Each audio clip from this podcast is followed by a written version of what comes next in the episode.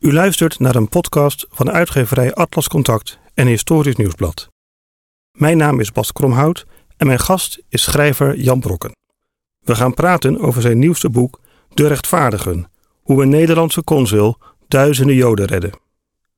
Deze podcast bestaat uit vier delen. Dit is deel 2. In deel 2 vertelt de schrijver wat Jan Zwartendijk dreef om duizenden Joden te redden. Jan, waarom wilde jij dit verhaal vertellen aan de wereld? Om uh, drie verschillende redenen. Ehm, in de allereerste plaats, het is een vergeten verhaal. Uh, Jan Zwartendijk, de naam zegt niemand wat.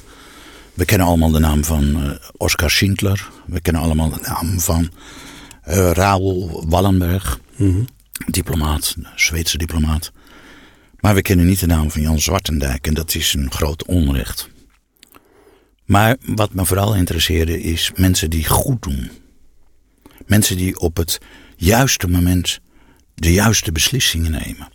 Ik heb in het verleden natuurlijk vaak geschreven over mensen die op een bepaald moment de verkeerde beslissingen namen. Of die zich lieten leiden door van het gemak. Of die in een situatie terechtkwamen dat ze moesten kiezen voor het kwade. Dat speelt natuurlijk vooral in de vergelding, mijn boek, over ja. Mijn dorp in de Tweede Wereldoorlog. Ja, dat, dat gaat over mensen die in een hele chaotische oorlogssituatie keuzes maken waarvan ze ook vaak zelf de consequenties niet overzien. En ja. nou, dat leidt tot allerlei ongelukkige toestanden. En, maar er zit weinig kwade opzet achter voor het overgrote deel. Maar er is, nou ja, het is vooral rommelig en nou ja, ja. misschien wat we tegenwoordig grijs uh, zouden noemen. Ja, en, en, en toch niet uh, precies inzien wat ze, wat ze moesten doen in deze situatie.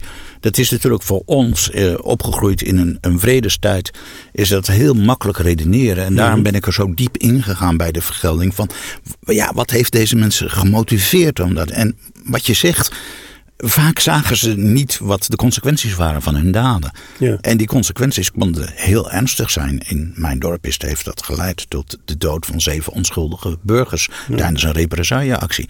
Maar hier in dit verhaal ontdekte ik al snel dat, dat mensen ja, de juiste keuzes deden. En wat me vooral zo verbaasde was dat, dat Jan Zwartendijk, maar ook de Japanse consul uh, Chune Sugihara, al in 1940 inzagen van deze Joden zijn lopen vreselijk gevaar.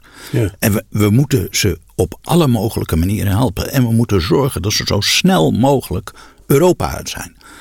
En ik vroeg me af, hoe kwamen deze mensen tot deze wat achteraf blijkt, zeer juiste beslissing. Ja. En dat heb ik me tijdens het onderzoek voortdurend afgevraagd. Maar heb je daar een, oplos een antwoord op kunnen vinden? Ja, het antwoord is eigenlijk het hele boek. Maar er zit veel in. Ze waren goed geïnformeerd. Hm. Uh, en waardoor waren ze goed geïnformeerd? Door vriendschappen. Door Jan Zwartendijk heeft jaren in Praag gewoond, in de jaren twintig. Als, als zakenman. Hij was daar vertegenwoordiger van een uh, Nederlandse firma. Uh, niet Philips toen, maar een firma in oliën en zaden. En hij heeft daar jaren gewoond. Maar zijn beste vriend was daar Louis Aletrino. En dat was een uh, correspondent van uh, Nieuwe Rotterdamse Courant in Praag. Er was een Joodse, uh, Joodse journalist.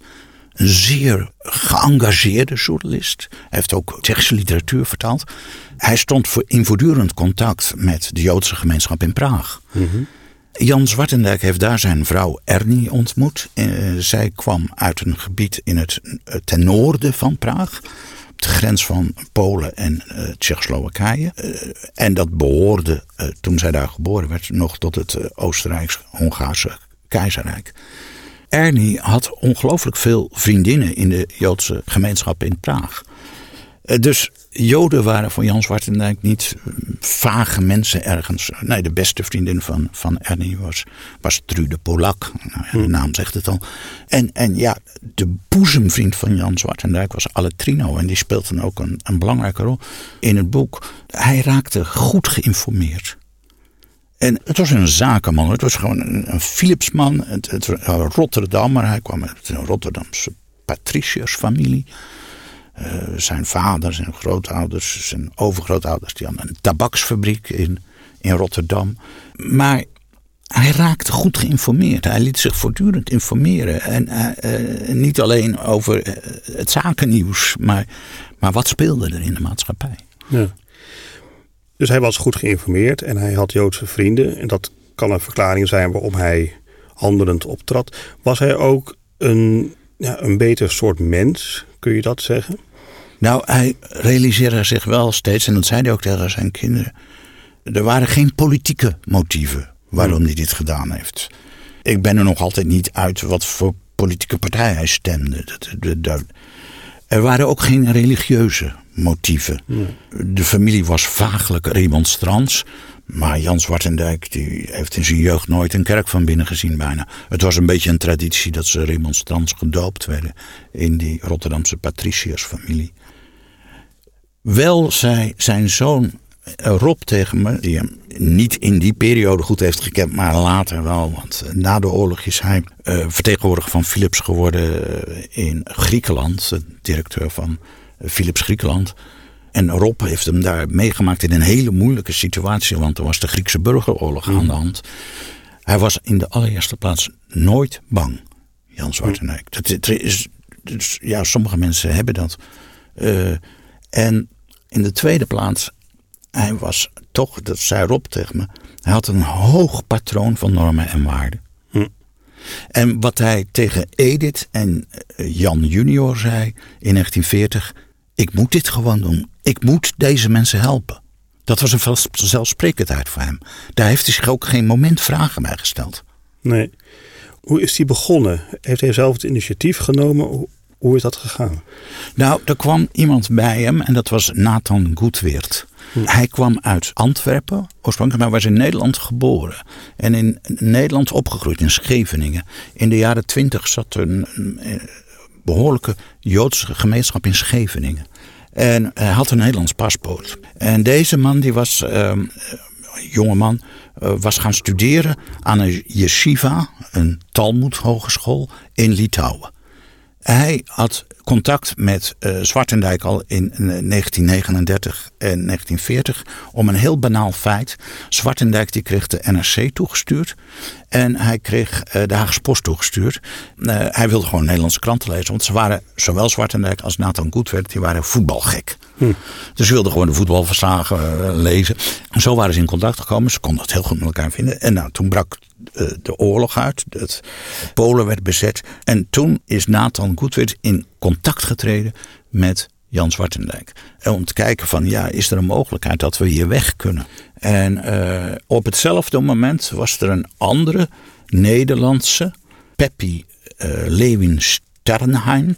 Zij kwam uit Amsterdam, Joods, en was getrouwd met Isaac Lewin, een Poolse Jood uit Lodz. En zij waren, toen Polen bezet werd door Nazi-Duitsland, waren gevlucht naar Litouwen. En zij, ja, zij had ook een Nederlands paspoort. Dus zij kwamen naar Jan Zwartendijk toe. En nou, toen hebben ze samen bekeken van, is er een mogelijkheid? En zo zei ze. Dus uh, Nathan had een verre familie die op Curaçao woonde. Dus zo waarschijnlijk is dat uh, ontstaan. Ja, dus hij kreeg de hulpvraag. Ja. Uh, en zo is het balletje gaan rollen. Gaan rollen. Toen heeft hij samen met de dekker heeft hij gekeken van ja. wat is er iets mogelijk, kunnen we iets doen? En, ja. ja. Je zei er zijn drie redenen waarom je dit verhaal wilde vertellen. De eerste was dat het, dat het een vergeten verhaal was. De tweede was dat het gaat over mensen die, die het goede hebben gekozen. Wat is de derde reden? Nou ja, de extreme relevantie voor vandaag de dag. Oké. In welke zin? Nou, je ziet dat uh, ja, vluchtelingen is niet een, iets wat, uh, wat van een ver verleden is en wat niet meer voorkomt. Nee, in tegendeel. Nee. En uh, je ziet ook dat zoiets niet kan worden opgelost. En niet, dat, dat deze mensen niet kunnen worden gered als er niet internationale samenwerking is. Ja. Ik wil op dit onderwerp graag straks met je doorpraten. Ik wil eerst een andere vraag stellen. Vind je dat Zwartendijk en de anderen die deel uitmaakten van het reddersnetwerk, um, dat zij een voorbeeld zijn voor ons nu? Absoluut. En, en is dat ook de reden waarom je dit boek wilde schrijven? Nou, dit is, dat is iets wat ik stapje voor stapje heb ontdekt, zeg maar. Het is niet zo dat ik ben gaan schrijven, ik ga, ik ga zoeken naar iemand die goed heeft gedaan. En ik ga nu even uitleggen waarom hij een voorbeeld voor ons is. Nee, ik heb dit stap voor stap ontdekt. Ik vond wel uh, direct wat me aansprak waren twee dingen. Dat, dat hij inderdaad de juiste beslissingen heeft genomen op het juiste moment. En dat hij zijn familie zo erbij betrokken heeft. Hm. Uh, de rol die uh, zijn vrouw Ernie in het boek speelt, die is groot. En, en je merkt gewoon dat ze zijn totale steun heeft geleverd aan haar man Jan Zwartendijk. En de kinderen die uh, voortdurend bij heeft betrokken. Die kinderen die, ja, die waren ook ongelooflijk trots op die vader.